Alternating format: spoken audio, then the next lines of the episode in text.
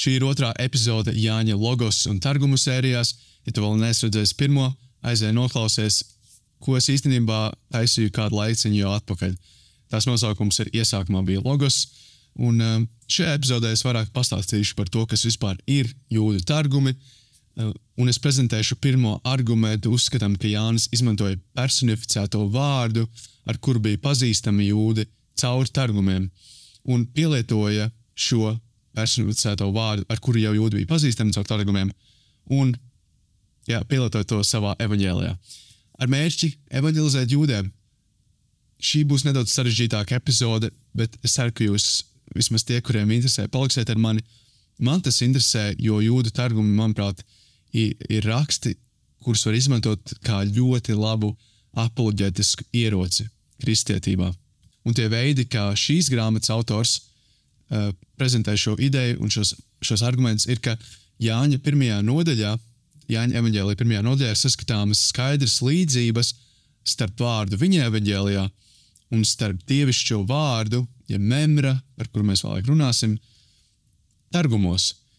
Viņas, šī, šī vārda filozofija šajos abos rakstos ir tik ļoti līdzīga citreiz, ka tāds sajūta, ka tiešām Jānis izmanto šo vārdu targumos un būvē savu evaņģēliju, savu evaņģēliju uzskatus uz tā, Bet kas tie tādi vispār ir par rakstiem? Kas ir jūdu targumi?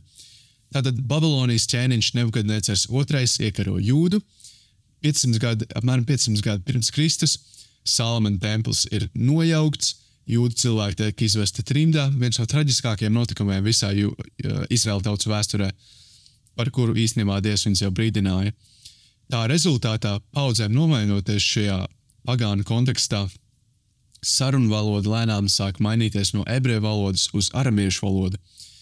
Īstenībā daļa no Daniela grāmatas, jā, no tā paša Daniela, kurš tika aizvests trimdā, daļa no Daniela grāmatas ir sarakstīta aramiešu valodā, tāpat arī atsevišķas daļas no Ezras grāmatas.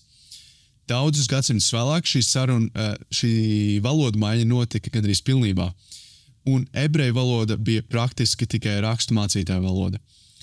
Bet cilvēkiem kaut kā vajadzēja saprast ra svētos rakstus, vai ne? Un pirmajā gadsimtā pirms Kristus jau bija nostiprinājusies prakse, ka sinagogās vispirms nolasīja, tika nolasīta raksturvieta ebreju valodā, tad oriģinālajā valodā, un pēc tam nāca kāds tulks, ja precīzāk būtu teikt, interpretātor, interpretators, un viņš interpretēja šos rakstus aramiešu valodā, tātad tajā valodā, ko cilvēks saprast. Un uh, sākumā šie, šī, šī bija ļoti mutiska tradīcija, to, īst, to īstenībā nemaz nedrīkstēja pie, pierakstīt. Taču Jēzus laikā, pirmajā gadsimtā, jau parādījās publikā pirmie rakstiskie targumi. Un tad ir svarīgi, jā, tātad šos rakstus sauc par targumiem. Tās pierakstītās pierakstītie aramiešu tulkojumi, jeb pēc mūsu standartiem tie vairāk būtu interpretācijas, jo bieži vien tur tika pievienoti uh, tradīcijas no midrašiem, viss kaut kas tāds. Bet tie ir targumi. Tātad interpretācijas, vecās derības interpretācijas aramiešu valodā. Svarīgi arī piebilst, ka jūdu targumi bija vairāki, un viņi bieži vien atšķīrās. Un, uh, tā ir tāda novienkāršota targuma vēsture. Es noteikti daudz ko esmu izlaidis, bet tā doma ir skaidra. Jūdu targumi bija vecās derības, ebreju bībeles interpretācija aramiešu valodā. Un kāpēc viņi ir tik svarīgi un kāpēc es par, par viņiem runāju?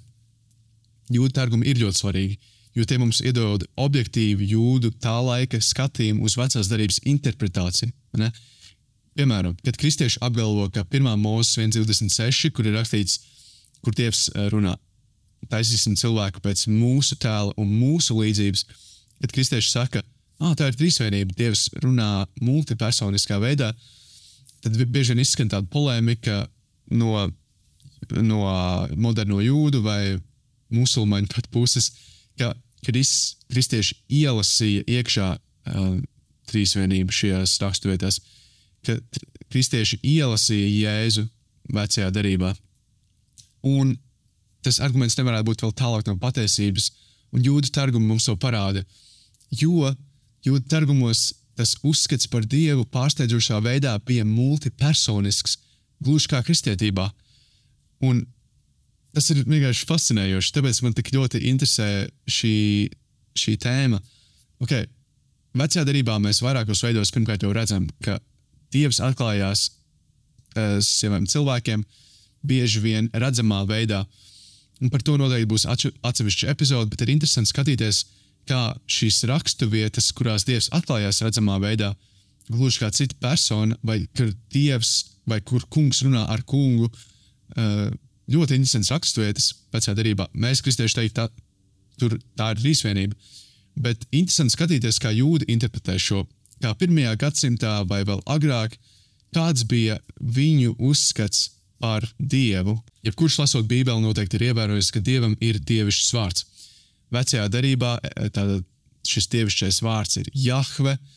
Vēlāk e, jūdu cilvēki negribēja šo svēto vārdu tik bieži izmantot, tāpēc viņi aizstāja ar Adonai. Adonai tulkojumā ir kungs. Tad vēlāk, kad ebreju bībeli tulkoja grieķiski, septuagintā šis vārds ir kurjos, kas arī nozīmē kungs, un tad latviešu versijā ir kungs vai tas kungs, ja tu lasi 65. gada tulkojumu. Un tas viss ar arguments, ka Jānis balstīja savu, savu logo, savu vārdu uz targumu tradīciju, sākas uh, ar to, ka šajos jūdu targumos šī dievišķā vārda vietā bija memra, vai šī, šī dievišķā vārda vietā, tad Jahve, viņi aizstāja to ar memra vai diberā. Un šie abi armiešu vārdi, memra un diberā, bieži vien, uh, bieži vien nomainīja viens otru, citreiz lietots viens, citreiz otrs. Bet tā skaidrā lieta ir tāda, ka abi, abu terminu vislabākais tulkojums ir vārds. Tātad memra vārds. Tātad šajos targumos rakstnieki aizvietoja to kungu ar tā kunga memru, tā kunga vārdu. Un šajā epizodē es vēlos apskatīt pāris konceptus no apstuļāņa evaņģēlīja pirmās nodaļas, kas atbalsta uzskatu, ka Jāņa logos ir daļēji balstīts uz dievišķo vārdu targumos.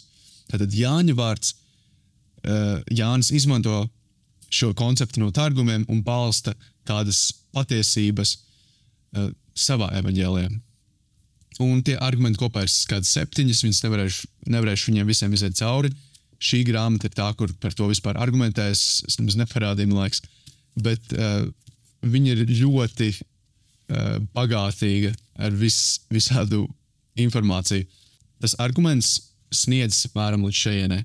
Pēc tam viss pārējais viņu atbalsta un tik ļoti daudz informācijas, tik bagātīgi. Un loģiski, es nevarēšu uh, vairākās epizodēs tam iziet cauri, bet es esmu mēģinājis, jo šis man liekas fascinējoši.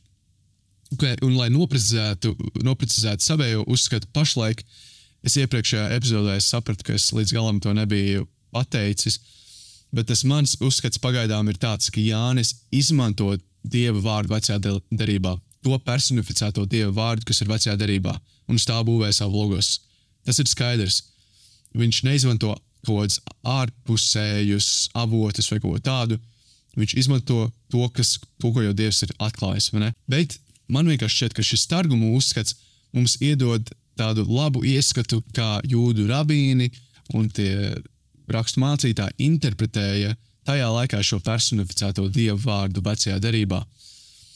Tad mums ir kaut kāds noteikts eh, veids, kā mēs viņu interpretējam, pateicoties Jānim, pateicoties jaunajai derībai, Bet kā interpretēja jūdi, tad, kad viņiem vēl nebija jaunās derības, ne? Un, un eh, tā kā jūdiem jau bija šis uzskats, ko mēs, par ko mēs varam, ier, ko mēs varam ieraudzīt targumos, Jānis, būdams viens no viņiem, ne, mierīgi varēja paņemt šo uzskatu, būvēt uz tā, šo tradīciju, un, kā mēs arī redzēsim, adaptēt šo tradīciju savā evanģēlijā, protams, ar mērķi evanģelizēt jūdiem un parādīt, kā Dievs atklājās jaunajā darbā caur Jēzu Kristu. Okay, tad pierādījumi no Jāņa evanģēlīja pirmās nodaļas. Pirmajā pantā mēs lasām, vārds bija pie Dieva un vārds bija Dievs. Un tātad tas, ko šis grāmatas autors argumentē, ir, ka targumos ir tieši tāda pati, tieši tāda pati filozofija kā jaunajā darbā, Jāņa evanģēlijā. Un tieši tāda pati vārda filozofija un tieši tāda pati valoda. Tā lieta, kas uzreiz ir jāsaprot, ka jūdu targumos tā kunga vārds tiek izmantots kā metonīmija tam kungam, varētu uzvilkt vienādības zīmi starp, starp šiem diviem terminiem, tas kungs un tā kunga vārds. Un, uh, bet, lai, lai gan tā kunga vārds tiek izmantots šādā veidā, tie lietojumi interesantā veidā nav patvaļīgi. Viņi nav vienkārši tāpat tā kunga vārds vai tā kunga memra. Interesanti ir tas, ka šie lietojumi parādās raksturvietās, kur Dievs miedarbojas ar savu radību. Un tādā veidā Dievs tiek attēlots gan kā transcendents, gan kā pārpasaulīgs, bet tajā pašā laikā imanents šajā pasaulē. Tādējādi tā kunga vārds tiek lietots specifiskās vietās, vecajā darbā, specifiskās vietās, targumos, kā piemēram radīšanā. Tātad tā targuma vārda filozofija ir gluži kā jaunajā darbā. Vārds ir pārpasaulīgs, transcendents, taču vārds top miesa un mājo mūsu vidū. Es sapratu, ka es gaismiņos aizmirsu ieslēgt. Bet skatoties uz šo no valodas aspekta, jau tajā izteicienā viņa vārds jau tiek iekļauta kaut kāda atdalīšana no dieva? Dievs un viņa vārds. Un, lai gan šis vārds ir kā neredzamā dieva atspūgs jaunajā darbā, ebrejiem 1.3, taču targumos šī attiecības starp dievu un viņu vārdu nav tik precīzi definēta kā jaunajā darbā, nekā starp tēvu un dēlu. Tomēr gan jaunajā darbā, gan targumos varam ieraudzīt, ka jā, vārds ir dievs, kurš kā Jānis saka, taču šī personas atdalīšana no dieva ir manāma. Tātad vārds ir dievs un vārds bija pie dieva. Tā ir tā trīs Tas ir tas trīsvienības uzskats, un ne? vārds ir tas pats, kas Dievs ir, taču vārds ir arī piedieva. Un tā kā tas pirmais arguments ir par Jāņa 1.1, kurš saka, vārds bija Dievs un vārds bija ar Dievu, tas targumiskais vārds arī ir nepārprotami saukts par Dievu un atdalīts no Dieva. Ne? Atkal tās līdzības. Jāņa evanģēlijā vārds ir Dievs un vārds bija pie Dieva, tāpat arī targumos Un uh, ļoti populāra raksturvieta, pirmā mūzes 17, 78. Šī ir tā vieta, kur Dievs dod apsolījumu Abrahamam.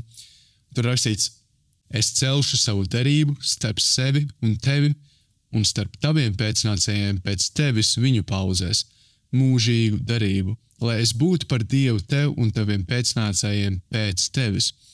Un es došu tev un taviem pēcnācējiem pēc tevis zeme, kurā tu mīti visu kanānu zemi par mūžīgu īpašumu, un es būšu viņiem par dievu.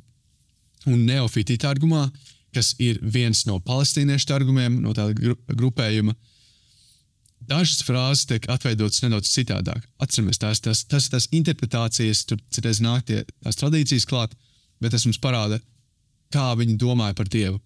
At, atcerieties, es viņas apmēram iztulkoju latviešu tulkojums vēl nav targumiem, tā kā es esmu pirmais laikam, kas viņus tulko. Okay. Un es celšu savu darību starp, starp sevi un tevi un starp taviem pēcnācējiem un pēc tevis viņu paudzēs mūžīgu darību, lai es savā vārdā, savā memorā jums būtu par Dievu. Pēc tam 17. pāns es došu visu kanālu zemi par mūžīgu īpašumu, un es savā vārdā viņiem būšu pestītājs Dievs. Atkal Dievs savā vārdā ir Dievs, bet viņš ir savā vārdā Dievs. Ne? Ideja eh, ir tāda, ka ir atdalīšana un ir identificēšana ar Dievu. Tātad tas bija neofitīta argums. Ir vēl neskaitāms cits raksturvietas, kurās neofitīta argumā ir izteikti līdzīga ideja. Ja jums interesē, es šeit atstāšu uz ekrāna tie, kur skatās YouTube. Jā, ja kas taisa tagad YouTube podkāstu video formātu, ja kādam interesē. Bet es vienkārši jums izdaru pakalpojumu. Es uzlikšu te uz ekrāna. Es negribu šo podkāstu padarīt par divu stundu epizodi. Bet, ja jums interesē neofitīt argumā, šī ideja parādās vēl daudzās vietās. Okay, vēl trešā mūzika grāmata, 26.12. Arī ļoti slavena raksturvieta, kurā skan, kur skan šādi. Es staigāšu jūsu vidū un būšu jums par dievu, un jūs būsiet man par tautu. Neofitīt argumā kontekstā, kurā atskan šis apsolījums, ka Dieva godība mājos viņu vidū, eh, ka Izraēla, Izraēla vidū mājos Dieva godība, vārdi es staigāšu jūsu vidū ir aizvietoti ar mans vārds staigās jūsu vidū. Interesanti, mana mēmera staigās jūsu vidū. Citā targumā pseido Jonatānā šajā rakstvietā vārds arī tiek atkal attēlots kā glābējs dievs. Tad Jānis raksta, vārds bija pie dieva, vārds bija dievs, taču tas ir tik fascinējoši, ka šī ideja jau bija jūdu targumos. Un šis ir tikai tāds pirmais arguments no kopā septiņiem. Es tiešām es negribu iet visām tām raksturvietām cauri, bet es jums parādīšu vienu praktisku pielietojumu šim. Uh, ir viens tāds ātrs video, kurus gribu jums parādīt. Es nesen YouTube skatījos, man, pie, man izlaica tur tas pie ieteiktiem tāds video, Why is Jesus not the Messiah for Jews? Uh, tātad, kāpēc Jēzus nav mesija jūdiem? Un man šis video klips ieinteresēja. Es uz viņu uzspēju, es gribēju paklausīties argumentācijai, es apskatos 5,5 miljonu skatījumu. Es sāku klausīties, un tas pirmais arguments, ko viņš saka, klausieties, stūlīt atskaņošu to video. The question, and of course we have Hebrew Christians this very day, the question is why can't I be a religious Jew, believe in the Torah, and still say that Jesus is the uh, Messiah? Exactly, that's what So they want to know. I, I would say that uh, Judaism has three fundamental issues with Christian theology. Uh, issue number one, which does not go to the messianic aspect of Jesus, but to the divinity and the Trinity and the uh, Holy uh, Father, Son, and the Holy Ghost. Our problem would be that we believe that God uh, has never and will never assume a, a human form. And once you deal with the uh, the reification or the corporalization of the deity, you are violating a tenet of God to being infinite and non-material. Now that that of course goes to the divinity, and that was a later development in Christianity. Jā, tas tā pēdējā lieta, ko viņš teica, bija pilnīgi nepatiesa. Jēzus dievišķā identitāte nebija vēlāks pielikums kristietībā. Man ir viena epizode par to, un vēl būs par to epizodes. Tas ir pilnīgi nepatiesi. Bet tā, tas arguments bija tāds, ka uh, jūdi netic, ka Dievs jebkad varētu pārkāpt savus transcendences likumus un uh, pieņemt cilvēka veidolu. Un es uzreiz gribēju pateikt, vienu. Pirmkārt, jā, vecā darība un jaunā darība skaidri pasaka, ka cilvēks, grēcīgais cilvēks, nevar redzēt Dievu viņa pilnajā godībā un palīdzības. Cilvēks nevar redzēt Dievu, viņa Dievu tēvu viņa pilnajā godībā un palīdzības. Ja cilvēks ierauga Dievu tādā veidā, tad viņš mirst. Tas ir, tas ir skaidrs gan vecajā, gan jaunajā darbā. Taču ir tāds interesants raksturvietas, kā piemēram 1. mūzika 16, kur uh, Hagara, kur ir vispār pagāniete, eģiptiete, viņa bēga no, no Sārijas uz Eģipti, un viņa pa ceļam ierauga tā kunga eņģeli, uh, sastopa tā kunga eņģeli, un beigās viņa ir pārsteigta, ka viņa redzēja kungu, kas redz viņu. Viņa redzēja to kungu, kas redz viņu. Tāpat Jēkabs sastopa tā kunga eņģeli, un ir pārsteigts, ka viņš varēja redzēt dievu un nemirt. Uh, Mūzis redzēja tā kunga eņģeli degošajā krūmā, jā, to kunga eņģeli, kurš teica, es esmu, kas es esmu. Uh, Mānaham uh, soļu grāmatā parādās tā kunga eņģelis. Mānaks uh, viņa prasa viņu vārdu, un viņš saka, kāpēc tu prasa manu vārdu? Tas ir brīnumains. Kas brīnumains vispār, tas ir dieva vārds rezervēts ekskluzīvi dievam, un īstenībā tas tiek pielietots arī mesijam, tajā slavenajā Ziemassvētku pantā, iesaist deviņu. Okay, pēc tam Mānoks, up, uh, Mānoks upurē tam kunga eņģelim, un eņģelis kopā ar liesmu uziet atpakaļ debesīs. Mānoks un viņa sieva krīt zemē, un viņi pielūdz un saka, mirtina mums jāmirst, jo esam Dievu redzējuši. Wow, ne? Viņi ir redzējuši Dievu, un viņi domā, kāpēc mēs nenomirām, mēs tikko esam redzējuši Dievu. Vēl visos palestīniešu uh, targumos, tātad neofitī, pseidojonatāna, fragmentārijos targumos, 1. mūzika 3, 8 un 10. Ne, tā, tā vieta, kur Dievs pastaigājās dienas vēsumā, ēdienas dārzā, Ādams un Ieva dzirda uh, tā, ku, uh, Ādams un Ieva dzirda tā kunga balsi. Šajos targumos Ādams un Ieva dzird kunga vārda, kunga memres balsi, pastaigājamies par dārzu. Cik žēl, ka es tikko pabeidzu epizodi, es paskatījos video un izrādās, ka tā epizode kaut kur nogriezās. Tāpēc es vienkārši turpināšu no tās vietas, kur beidzās video. Bet uh, tātad es iepriekšējās epizodēs, iepriekšējā epizodē jau teicu to, ka līdzīgs vārds, ka tā inkarnācijas ideja caur šīm raksturvietām veido tādu kā matriksu šīm idejām, ka kādu dienu iespējams šī patiesā inkarnācija, šī realitāte varētu nākt, ka Dievs tiešām pali, uh, sastapsies ar savu radību mājos viņu vidū. Un es varētu turpināt minēt piemērus, raksturvietas, kā Dievs parādās vecajā darbā, cilvēku veidolā. Um, un, kā jau teicu, kristieši to interpretē kā trīsvienību. Es domāju, ka tā kunga eņģelis ir Jēzus. Un es varētu turpināt minēt tās lietas, bet skaidrs ir viens.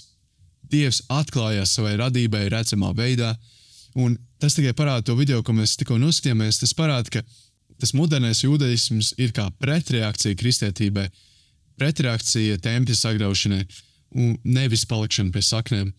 Un tie jūda targumi mums to parāda. Tie raksti mums to ļoti labi parāda. Un es zinu, ka man pašlaik nav daudz klausītāju, bet, ja nu kādreiz nākotnē, ja tev interesē šīs, šīs lietas, aploģētika jūdiem, aploģētika vai um, evanģelizācija, vai ne? Tārgumi ir ļoti labs ierocis šajā jomā, ļoti labs polēmisks instruments.